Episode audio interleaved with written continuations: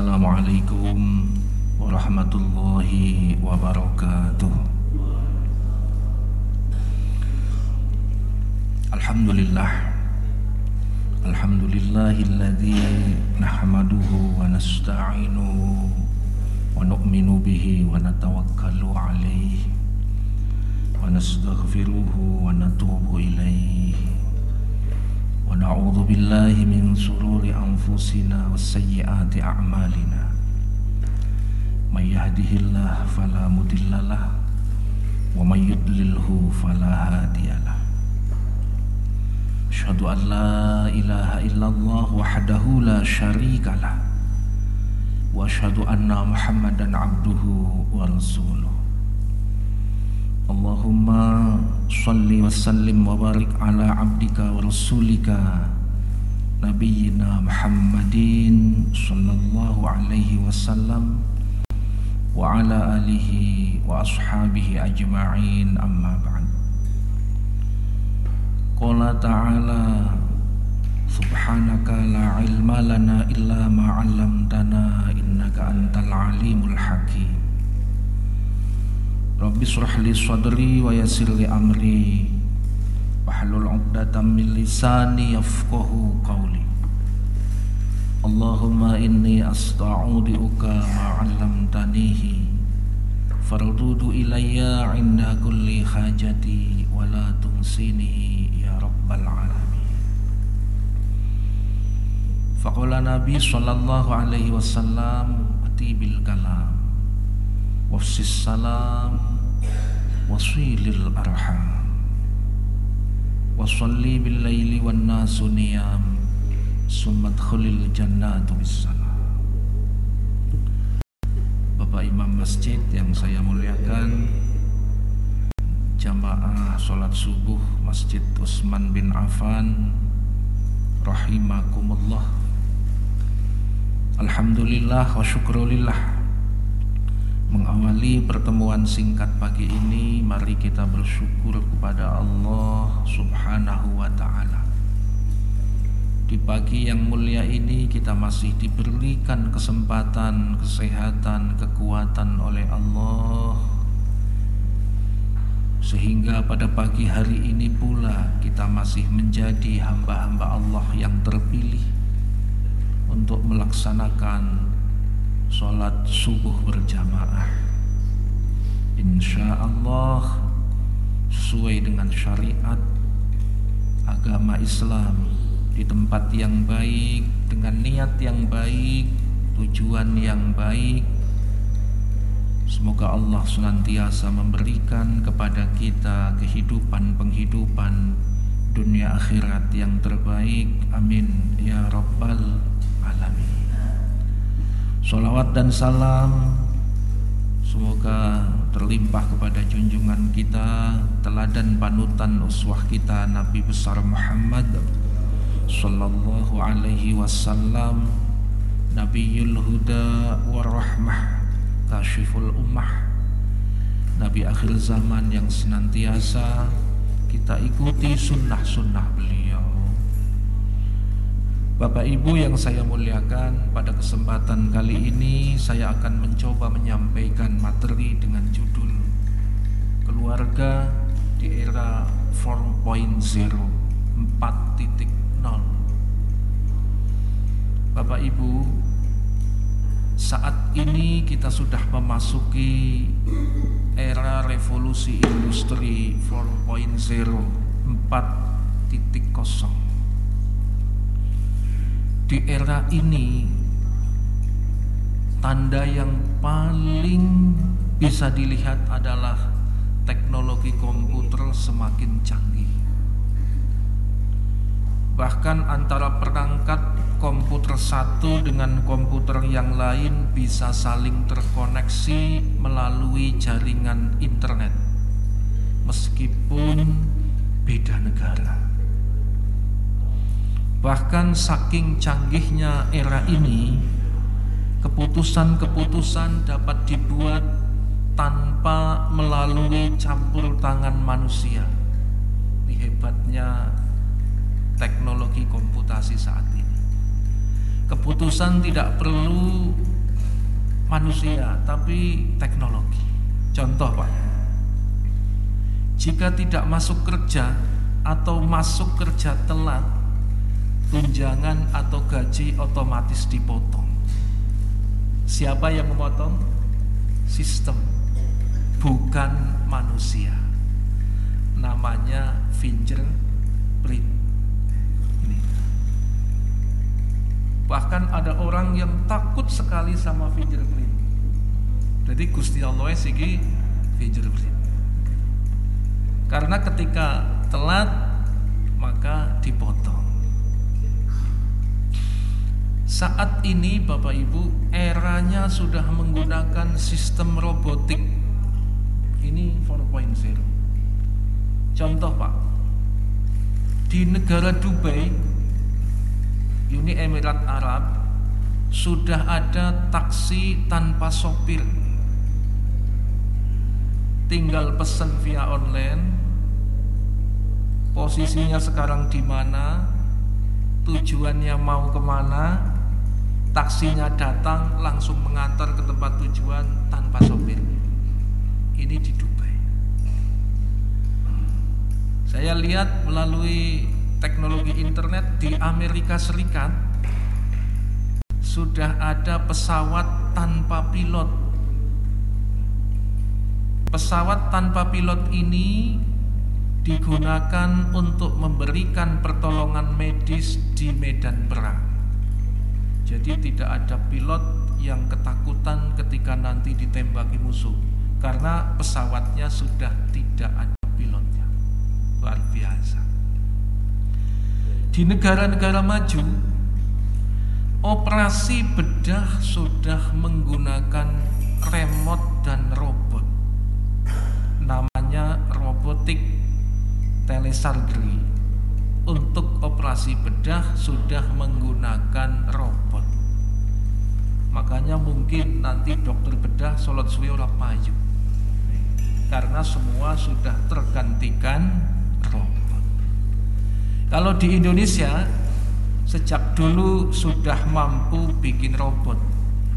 Boneka bisa digendong manusia saat karnaval. Nah, ini di Indonesia. Kembali Bapak Ibu, di dunia industri sudah lahir teknologi bernama virtual reality. Teknologi ini digunakan untuk mengontrol dan mengendalikan kondisi mesin. Mesin pabrik, mesin industri dan lain sebagainya dikontrol dengan jarak jauh melalui komputasi. Canggih sekali. Bahkan saat ini yang kita rasakan semua keperluan manusia dapat dikatakan selesai dengan handphone Bapak Ibu masing-masing. Keluar kota tidak perlu tanya alamat RT RW, bloknya mana, gerumbulnya mana. Cukup Sherlock Google Map sampai tempat tujuan. Ini 4.0. Nyun ngapunten Pak. Saking canggihnya Google Map ini terkadang juga bisa mendeteksi tempat angker sekalipun Pak. Ada Gojek nganter penumpang di utara rumah saya itu sawah. Terus tengah malam tidak ketemu, lari ke selatan lagi, gap-gapan. Saya tanya, mau ke mana Pak? Ini saya lagi bingung Di daerah sawah sana kok mapnya berbunyi Anda berada di area banyak jin begitu. Melayu tukang gojek itu. Ini kayaknya Google Mapnya konslet ini kayaknya. Kok sampai begitu? Masya Allah. Ini canggih sekali. Di kota atau di tempat kita Pak, saat ini perut lapel perut lapar selesai dengan GoFood. Dah jagong tak tek teka. Butuh jemputan Gojek. Ini 4.0. Mau belanja Gomat. Badannya kesel, letih, lelah, go message pijet sampai kirim singkong gokong eh gosen gitu gosen bukan? Ini saking lengkapnya teknologi sudah ada dalam kehidupan kita. Lengkap sekali layanannya. Bahkan saya pernah ketemu dengan turis dari Australia di Bali pada saat itu. Baru datang dari pesawat kemudian langsung ketemuan dengan cewek cantik. Sebelumnya saya tanya dari mana? Australia. Orangnya gagah tinggi putih kaya tapi satu enggan menikah. Umurnya sebaya dengan saya. Kenapa tidak mau menikah? Karena semua kebutuhannya sudah terlayani oleh go-go-go yang tadi itu. Termasuk kata beliau termasuk go service woman pesan wanita untuk teman tidur sudah ada ternyata Pak itu di Australia. Luar biasa teknologi ini. Beliau menyampaikan, saya punya istri malah repot, punya anak malah ruwet, mending kayak gini kepenak. Selesai dengan go go go, saya nambahi blog. Nah. ini saking bodohnya orang orang sana itu. Bapak Ibu yang saya muliakan, Selain canggihnya teknologi informasi, komunikasi, dan komputasi, bidang-bidang apa pun juga mengalami kemajuan. Ini era 4.0, 4.0. Contoh Pak, teknologi pangan berkembang luar biasa. Dulu tahun 90-an kalau plesir ke Jogja yang dicari gudeg Jogja. Sekarang makan gudeg sampai bosen pasar manis belatak. Dulu plesir ke Solo yang dicari serabi Solo. Sekarang serabi Solo samping pasar Cermai lengkap sampai malam. Ya Allah, luar biasa. Wingko adanya di Semarang. Sekarang wingko ada di mana-mana. Dulu kepengin dodol saja kemutane Garut.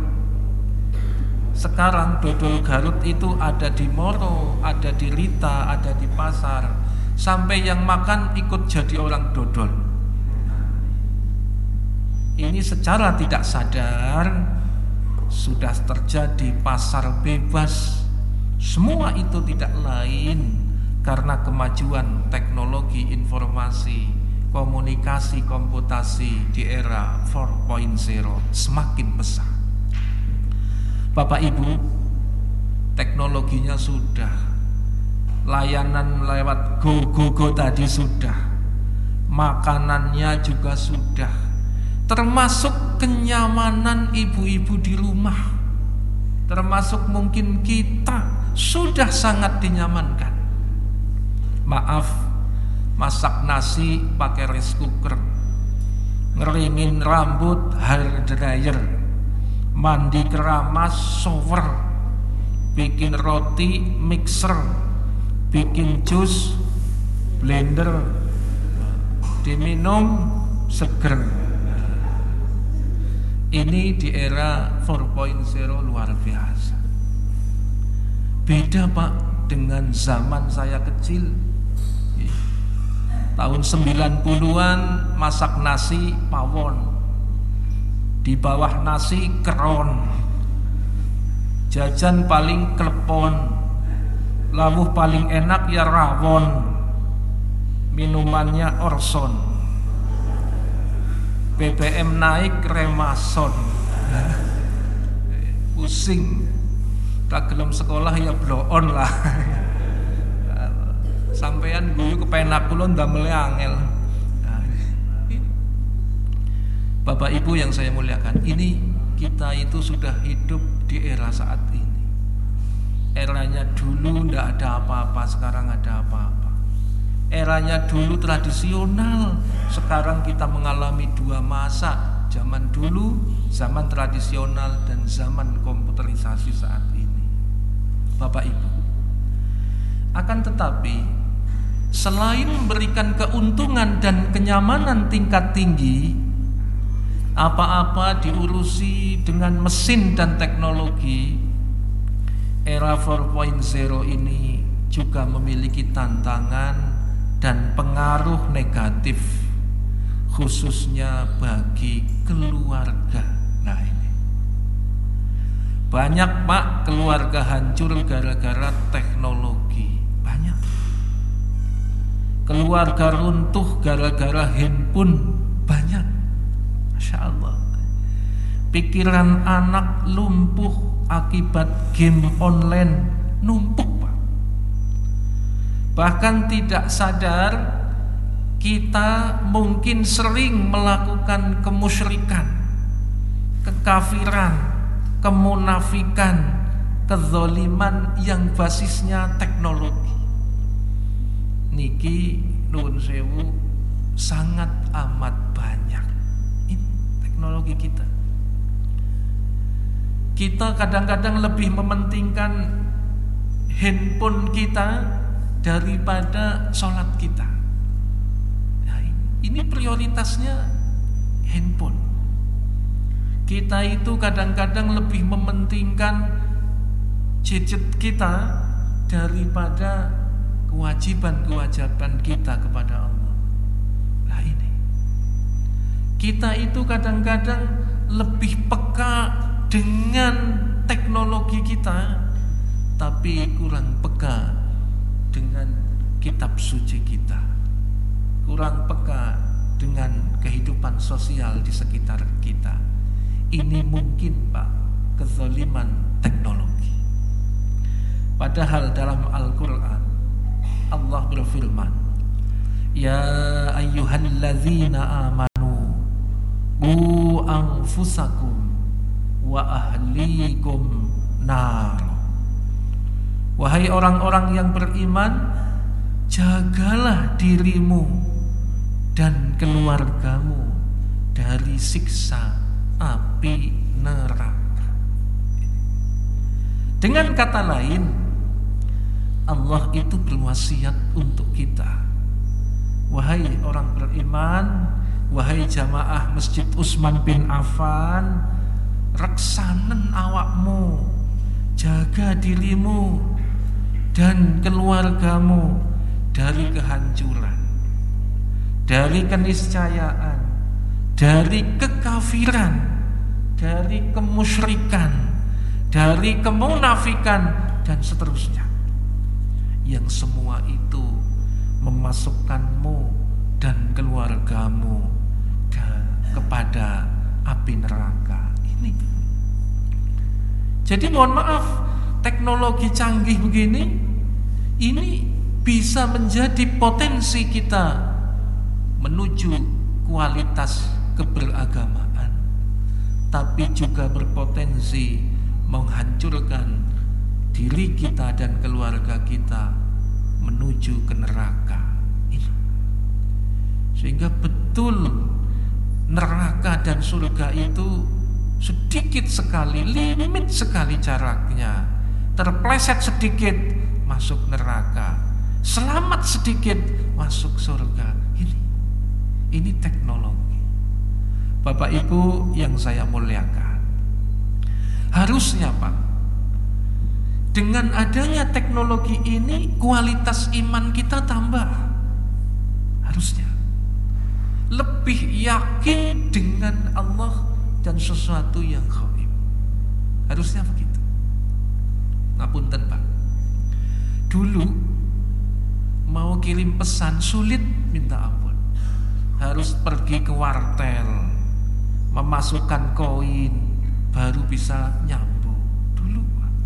Wartel itu disambungkan dengan kabel. Ini masih logis. Saat ini ngirim foto, ngirim gambar tidak perlu kabel. Tidak perlu pergi ke telkom, telepon tidak perlu. dari rumah bahkan yang ngapunten dari tempat terpencil pun bisa. Ini berarti goib itu terjawab. Itu kan bareng goib kirim pesan share. Kirim video share. Goib itu. Kalau ndak goib itu ya kelihatan. Itu ndak kelihatan. Disambungkan. Saya kemarin dikirimi duit share. Tahu-tahu sana masuk ke ATM tidak perlu pakai ATM handphonenya dibuka. Rekening di, di handphone itu dibuka kemudian tarik tunai tinggal diklik mau berapa di situ. Kemudian muncul kode dimasukkan keluar uangnya. Masya Allah. Sing penting rekeningnya ada duitnya dok bisa oleh duit. Itu. Ini. Masya Allah Bapak Ibu yang saya muliakan Kita diminta oleh Allah Diri kita, keluarga kita Itu dengan adanya teknologi Semakin yakin dengan Allah.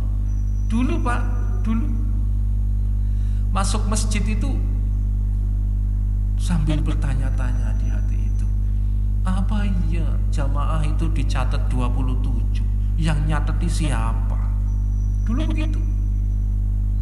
Sekarang itu tidak mikir lagi. Teknologi manusia yang goib saja begini, apalagi teknologinya Allah. Itu. Dulu masuk masjid itu tanya, Tuhan itu di mana? Kita itu takbir begini, kita sujud itu sujud ke siapa? Tuhannya tidak kelihatan. Sekarang kalau Tuhan kelihatan ya sama itu. Ini gaib itu sekarang semakin ditampakkan dalam kehidupan kita. Itu. USG itu ketika dilihat, oh perkembangannya sekian, bobotnya sekian, bayinya itu, jenis kelaminnya sekian, oh kembar bisa dilihat. Itu gaib pak. Zaman dulu itu paling dilus-lus dukun bayi, kayaknya bunder wadon, sekarang tidak begitu. Lonjong, lanang, tidak begitu. Sekarang teknologi canggih. Bapak Ibu, apa saja Pak Bu keterpurukan keluarga akibat era 4.0 ini? Dan ini terjadi hampir di mana-mana. Ini saya sampaikan karena saat ini amat sangat berada di sekeliling kita. Satu Pak, Keterpurukan akibat teknologi era 4.0 ini adalah maraknya kasus perselingkuhan. Nah ini. Selingkuh itu artinya menyukai orang lain yang bukan haknya. Ini. Apunten Pak. Kita punya istri. Tapi seneng terhadap istri orang lain misalnya kita punya pasangan tapi ingin mendemeni. Mendemeni tahu nggih? Yang angel boleh ngomong gitu mendemeni istri orang lain atau perempuan lain. Saya pikir-pikir mendemeni itu asal katanya mendem. Mendem itu perempuan itu biasanya membuat laki-laki mendem atau mabuk cinta ini selingkuh. Punya suami tapi senang dan bermaksiat dengan pria lain yang bukan haknya. Ini selingkuh. Atau statusnya lajang tapi senang kumpul bermaksiat nyaman dengan pria yang beristri atau perempuan yang bersuami. Nah ini. Mohon maaf Pak, kasus ini terjadi di mana-mana. Ini penting sekali. Di kantor, di pasar, di kafe, di sekolah, di pabrik, bahkan di kampus itu terjadi di mana-mana. Masya Allah. Ini termasuk di tempat reuni sering sekali terjadi ajang perselingkuhan. Hati-hati dengan reuni. Hati-hati Pak. Karena paru dan kelapa disandingi mie. Cinta lama kembali bersemi. Nah, ya. sing guyu mesti anu wis tahu. Nah, sing meneng bae setuju lah. Ini saat Kula nate mulang teng Kebumen, Pak. Cukup-cukup ada mahasiswa datang, Pak, nyun ngapunten nanti setelah sholat duhur bisa minta waktunya. Apa mbak? Nanti janjian ya Pak di warung bakso, begitu. Mahasiswa itu berani begitu. Akhirnya pun setelah sholat duhur saya nyawel ini kosmanya ketua kelasnya, ayo ikut saya yuk, saya diantar ke situ, diantar di sana itu sudah bilang, "Lho Pak kok bawa teman?" Lo karepmu apa? Curhat. Bojoku Pak nang Singapura telulas tahun ora bali. Langkah kabar ora tahu ngirimi. Wah, ini tanda-tanda ini. Tanda-tanda. Akhirnya pun rampung ya wis ya tak bayari paksone wis bayar tak bayar aku mboten Pak kula sing bayari sampean sing bayari paksone pada bayar bayari aku Akhirnya selesai rampung, clear, selesai. Hati-hati ini Pak. Kadang-kadang paru dan kelapa disandingi mie tadi itu. Ngapunten. itu begitu. Ngapunten, saya lihat di tempat yang sama. Bapaknya sedang selingkuh. Anaknya nongkrong di tempat itu dengan pacarnya. Ya Allah. Supaya tidak ketahuan, anaknya dikasih duit sini kasih duit. Meneng baik gue sangu anaknya jawab alhamdulillah. Ternyata pacaran dan selingkuh masih ingat Allah begitu itu saya lihat Bapak Ibu kasus perselingkuhan ini kadang tidak mikir usia. Tidak mikir karena setan tidak menggoda berdasarkan jenis usia. Ini kabar valid dari dunia persetanan. Dan ngapun tadi, ada kawan saya sudah sepuh guru MI orang tertidokna MI ini siapa jenenge siapa? Usianya hampir pensiun pak. 56 istrinya itu datang reuni SM di usia lebih dari 50 tahun mau pensiun itu dilalah ketemu teman lama di SMA akhirnya selingkuh. Setelah itu ngapunten cerai dan akhirnya nikah dengan selingkuhannya astagfirullah nyata nih Pak. Saya cuma batin usia di atas 50 itu enaknya di mana kok iya datang kaken pola ngoten ini begitu Pak. Yang kedua orang selingkuh itu mata lahir dan mata batinnya buta karena setan yang membutakan. Kita beruntung di sini dekat dengan masjid dekat dengan orang-orang yang cinta terhadap Al-Quran dan ilmu sehingga mata lahir batin kita tidak dibutakan oleh setan ini. Orang selingkuh itu matanya, batinnya itu ditutup oleh setan karena tidak dekat dengan Allah. Mohon maaf, sesama dosen agama selingkuh. Kalau artis mungkin ya umum dosen agama. Mohon maaf, dagelan saya ini apa maning dosen biologi eksperimen Mohon maaf ini dagelan. Itu begitu. Di perguruan tinggi, mohon maaf ini, jabatan profesor ini saat ini sedang dilirik oleh setiap dosen. Karena untuk menjadi profesor atau guru besar harus publish jurnal internasional terindeks Scopus. Dan publish jurnal itu tidak gampang. Untuk bisa tembus jurnal internasional terindeks kepus itu dosen itu biasanya membuat tim penelitian kolaboratif.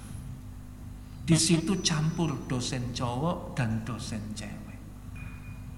Ya Allah, dosen pria, dosen perempuan dan laki-laki campur penelitian bareng.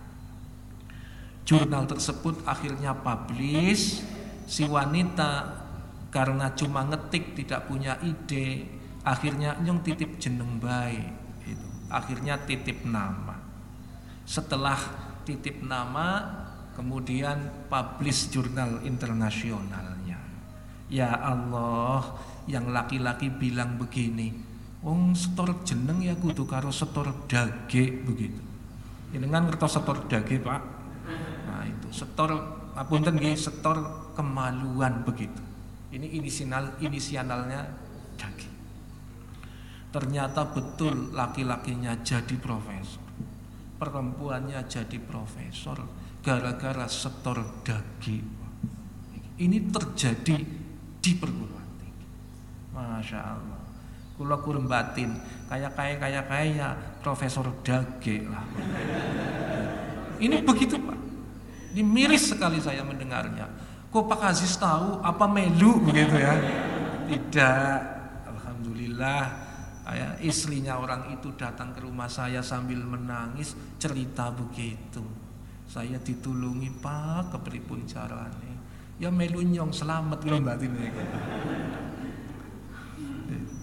Bapak Ibu yang saya muliakan ini.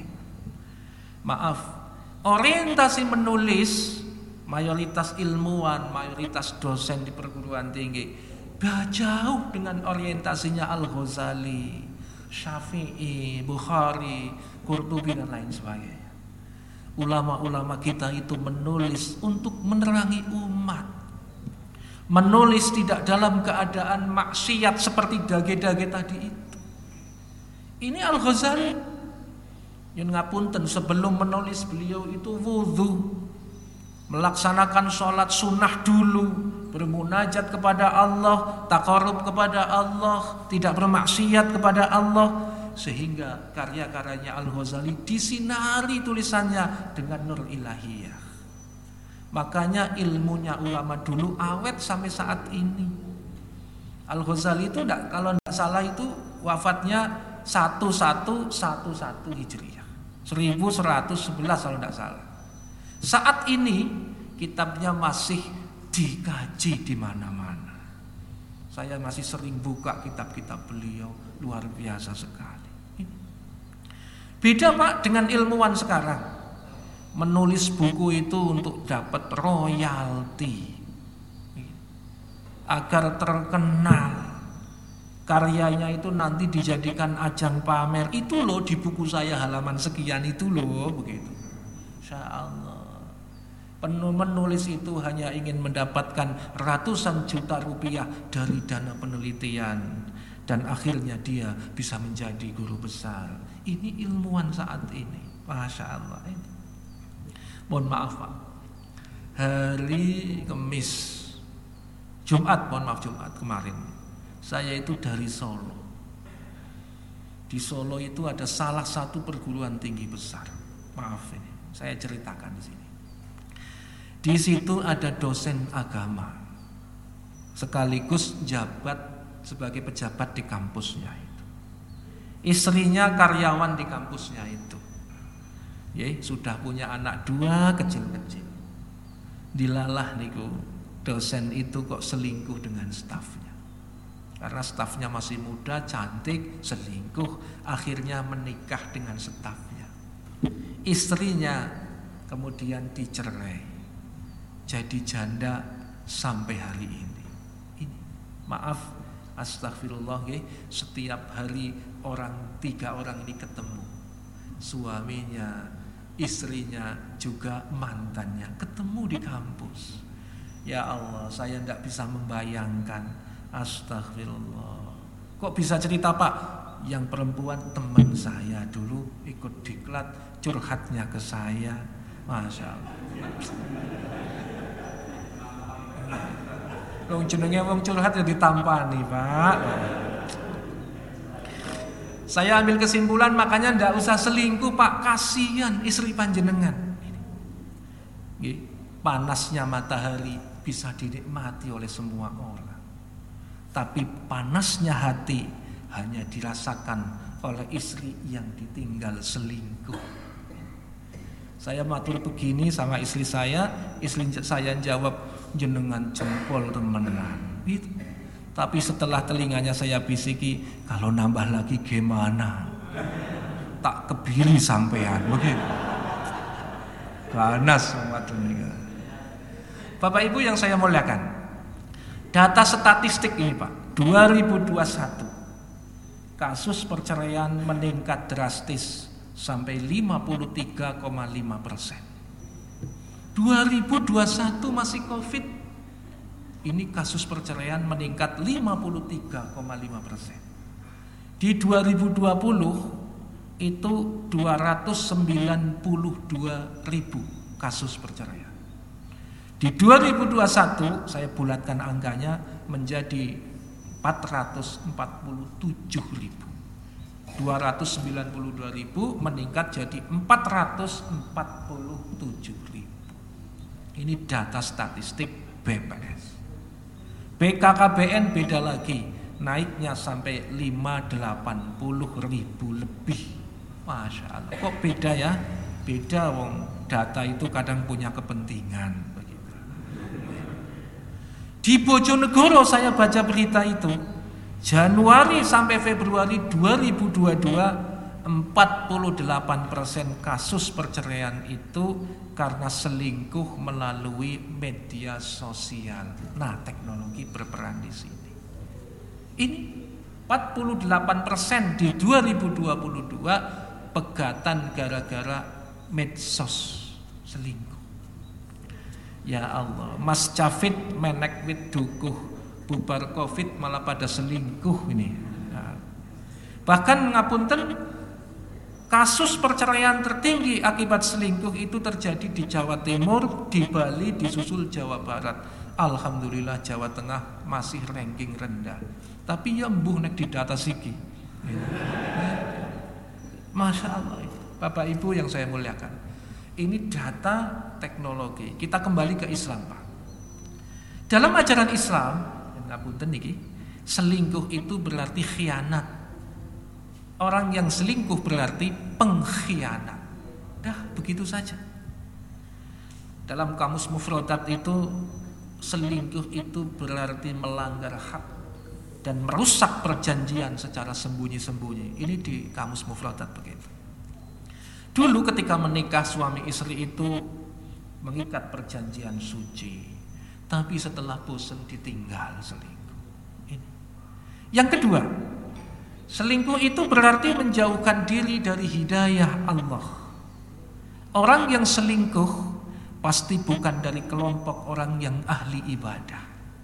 Hatinya pasti tidak mendapatkan nur hidayah dari Allah. Ini. Wa anna Allah la yahdi kaidal khainin.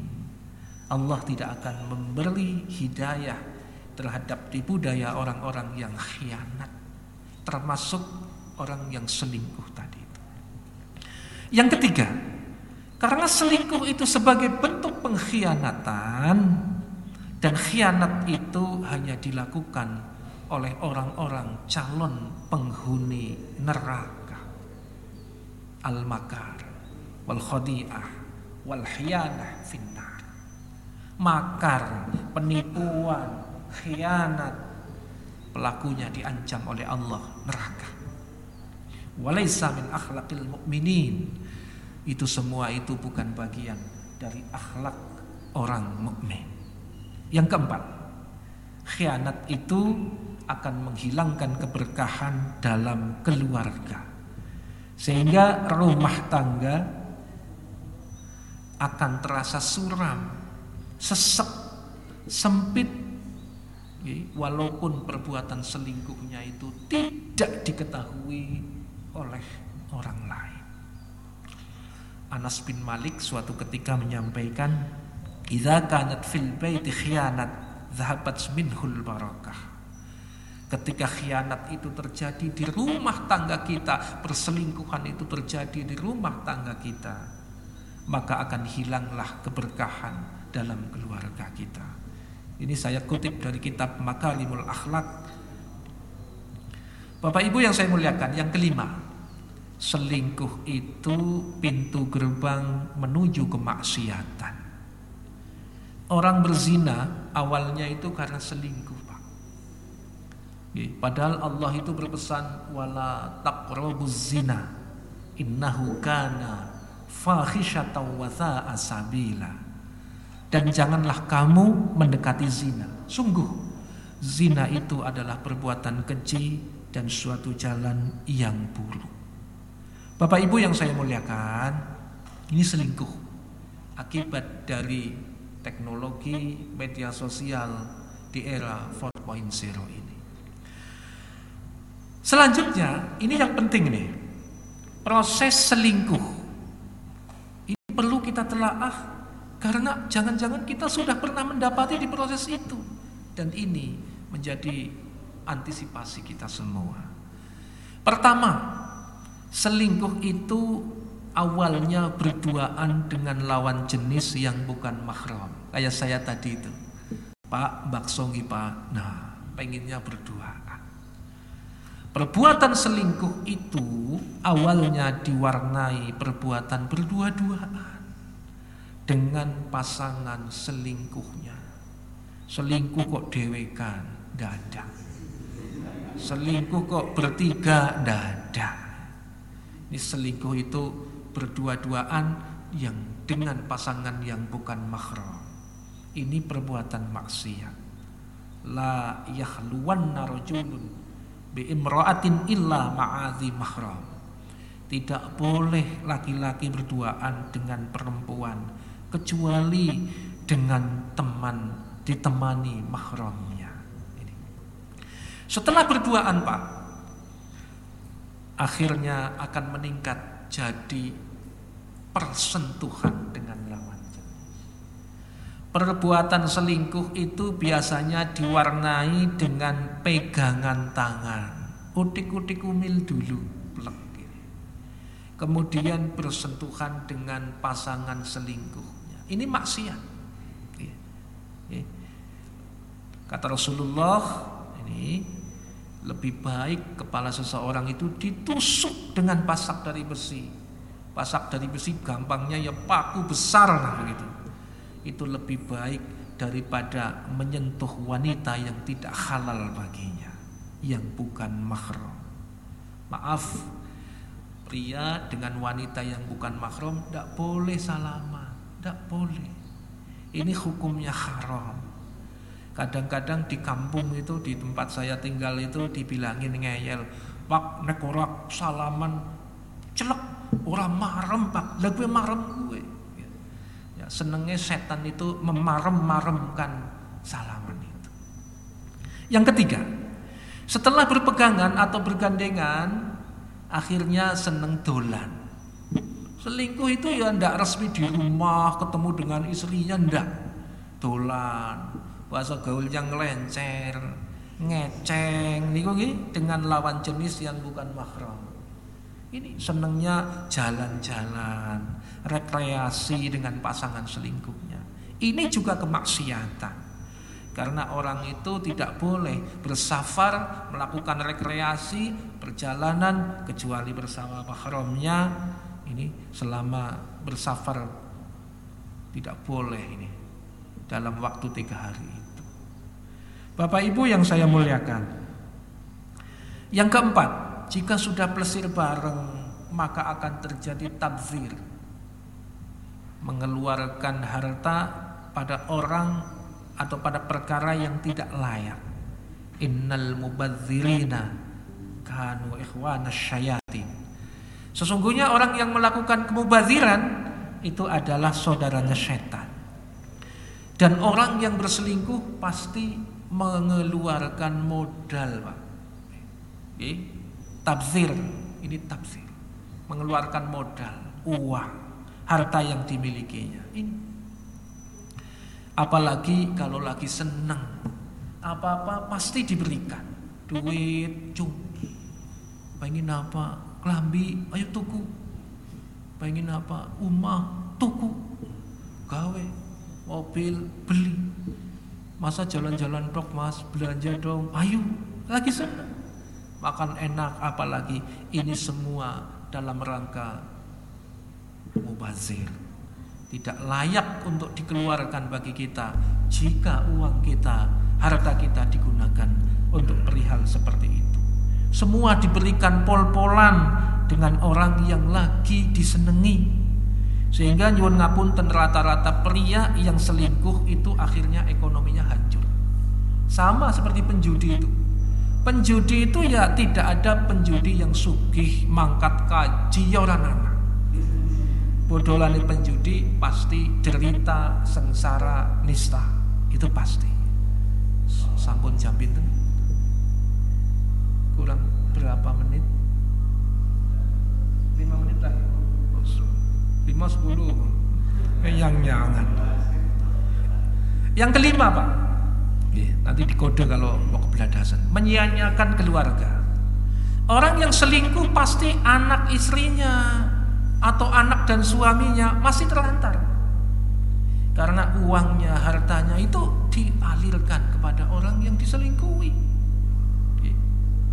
Kafa bil mar'i isma Cukup amat sangat berdosa orang yang menyia-nyiakan uh, bila ia menyia-nyiakan orang yang menjadi tanggungannya, keluarganya disia-siakan. Masya Allah, ini terjadi betul dalam kehidupan kita sehari-hari. Karena selingkuh, anaknya ditinggal, terlantar, tidak sekolah, istrinya ewer-ewer ke mana-mana. Allahu Akbar. Bapak Ibu yang saya muliakan, Mengapa orang itu punya potensi untuk berselingkuh? Karena selingkuh itu dilakukan ada unsur kebutuhan, peluang, dan kesempatan. Maaf, bos dengan sekretarisnya ketemu di dina Ini contoh ya. Di dalam kantor ketemu, di luar kantor ketemu, meeting ketemu, akhirnya meteng Sabtu Ahad masih lembur berdua di kantor. Ini ada peluang, ada kesempatan, ada kebutuhan. Terjadi itu. Ini yang hati-hati ini. Tidak hanya bos dengan sekretaris, mungkin kita dengan rekan kerja kita, rekan sejawat kita, teman kita. Begitu. Maaf, pilot dengan pramugarinya. Ini isu lama. Terbang ke mana-mana, tidak pulang-pulang Ya Allah pilotnya ganteng Pramugarinya cantiknya luar biasa. Ada peluang, ada kesempatan. Ya Allah ada kebutuhan. Selingkuh dia. Auditor, tahu auditor nih Pak? Yang mengaudit. Tukang audit instansi atau kantor dan lain sebagainya. Saya ngobrol dengan auditor itu Pak saya belum pulang 4 bulan. Allah Akbar Patang bulan ditahan. Tidak pulang itu Terus akhirnya dia itu cerita Empat bulan itu ada kesempatan, ada peluang. Sesama auditor menggunakan peluang, kesempatan dan kebutuhan itu. Ya Allah Ini. Ya Allah Karena kebutuhan, peluang dan kesempatan Istri orang dinikmati Suami orang ikut dicukupi. Masya Allah. Bapak Ibu selingkuh itu terjadi karena peluang, kesempatan dan kebutuhan. Ada kebutuhan kasih sayang, kebutuhan kehangatan, kebutuhan biologis dan sejenisnya ini. Yang kedua, selingkuh itu terjadi karena konflik dengan pasangannya, konflik ekonomi. Mertuanya ikut campur. Nah, ini kadang-kadang jadi konflik. Akhirnya keluar dari rumah, nongkrong di kafe, di tempat-tempat yang mungkin akan memberikan kenyamanan dia. Bukan ke masjid, bukan ke majelis taklim, tapi ke tempat yang lain. Konflik karena terjadi kebutuhan seks tidak terpuaskan. Maaf, imannya lemah, tapi iminnya kuat. Ini, terjadi konflik dalam keluarga. Ini imin itu bukan cak imin ya, 2024 nanti kok keliru lagi sehingga disalurkan kepada orang lain. Konflik itu karena harta anak kerap menimbulkan keributan. dengan pasangannya, ribut dengan anaknya, ribut, konflik, akhirnya keluar dari rumahnya. Ini yang kedua. Yang ketiga, selingkuh itu terjadi karena sering menonton video porno. Sehingga hasrat seksualnya memuncak. Mohon maaf Pak, kalau kita punya anak, jangan sekali-kali ditunjukkan dengan model begitu. Karena menurut ahli, itu ketika anak sudah melihat hal-hal semacam itu akan mudah terpatri di otak dan di hatinya. Ketika sudah terpatri sulit sekali untuk dilepaskan, dihilangkan. Ini butuh proses lama. Kesuciannya ternodai oleh video-video, film, gambar dan lain sebagainya. Ini sulit. Sehingga suatu saat akan muncul memori di alam bawah sadarnya. Oh iya, dulu gambarnya begini. Dulu filmnya begini. Oh begitu oh, oh, oh, oh dan oh lainnya. Itu. Yang keempat, hilangnya rasa malu. Orang selingkuh niku mboten gada isin. Malah kadang-kadang bangga. Saya punya teman itu gaweane niku gedakan. Tak takoni apa sampean ora isin, malah bangga, laris nyong.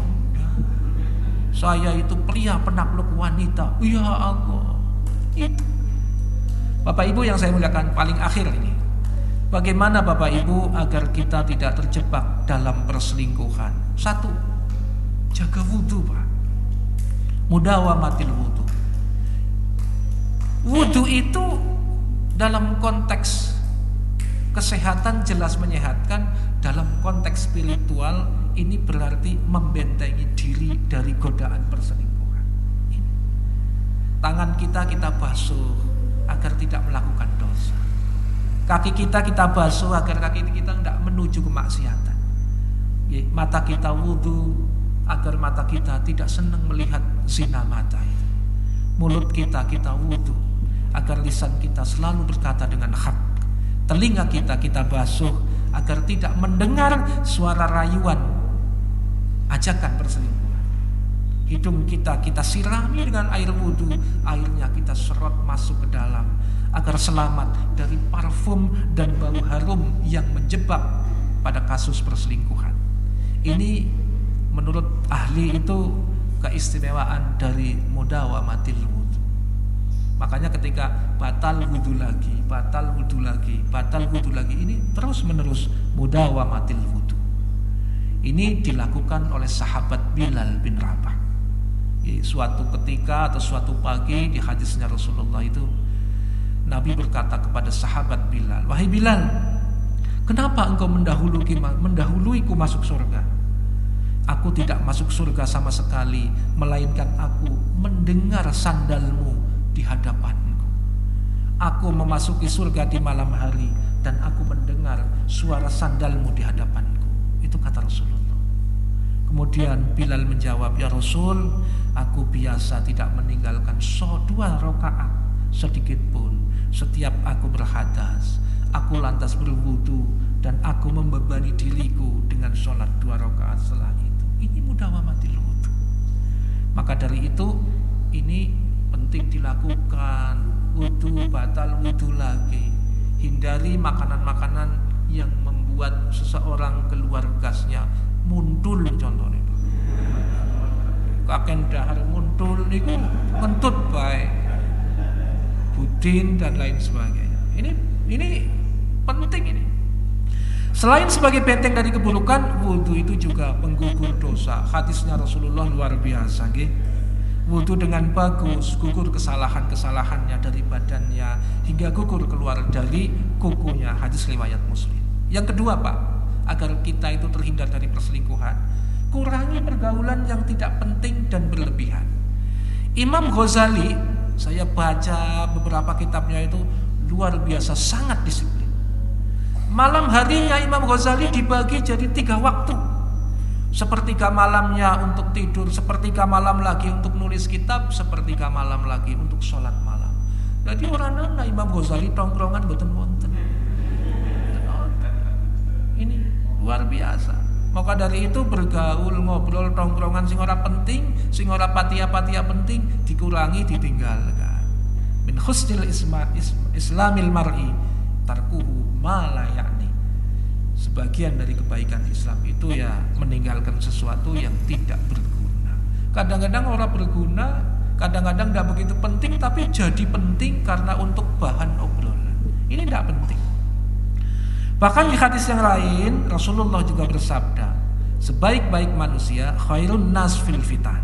Sebaik-baik manusia ketika berhadapan dengan fitnah ada ada apa sesuatu yang akan menjadikan diri kita itu fitnah maka mengasingkan ke lereng gunung itu lebih baik untuk menunaikan haknya Allah. Ngumpet tidak harus ke gunung eh.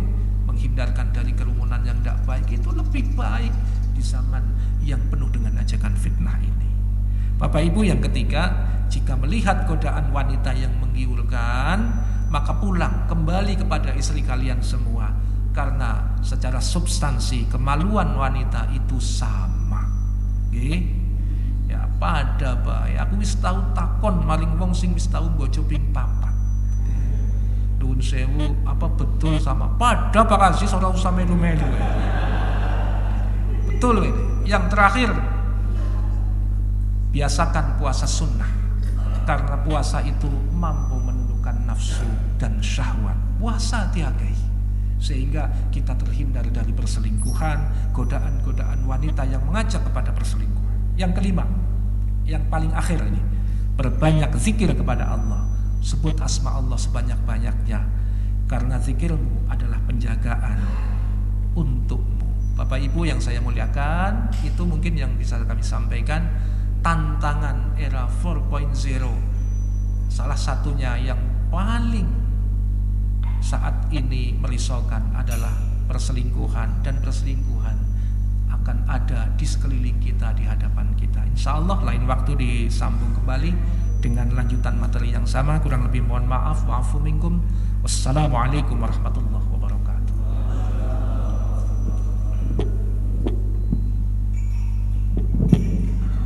Oke, jazakallah khair. Alhamdulillah kajian pagi ini memberikan pencerahan ya, penguatan kembali karena ternyata tanda eh, masa kini adalah banyaknya perselingkuhan. Jadi kajian ini adalah kajian selingkuh bukan ngajari selingkuh ya. Tapi untuk menghindari. Caranya yaitu tadi jaga wudhu, kurangi pergaulan yang penting. Jadi kalau ronda itu sesuai jadwalnya saja ya. sesuai jadwalnya saja jangan nambah-nambah.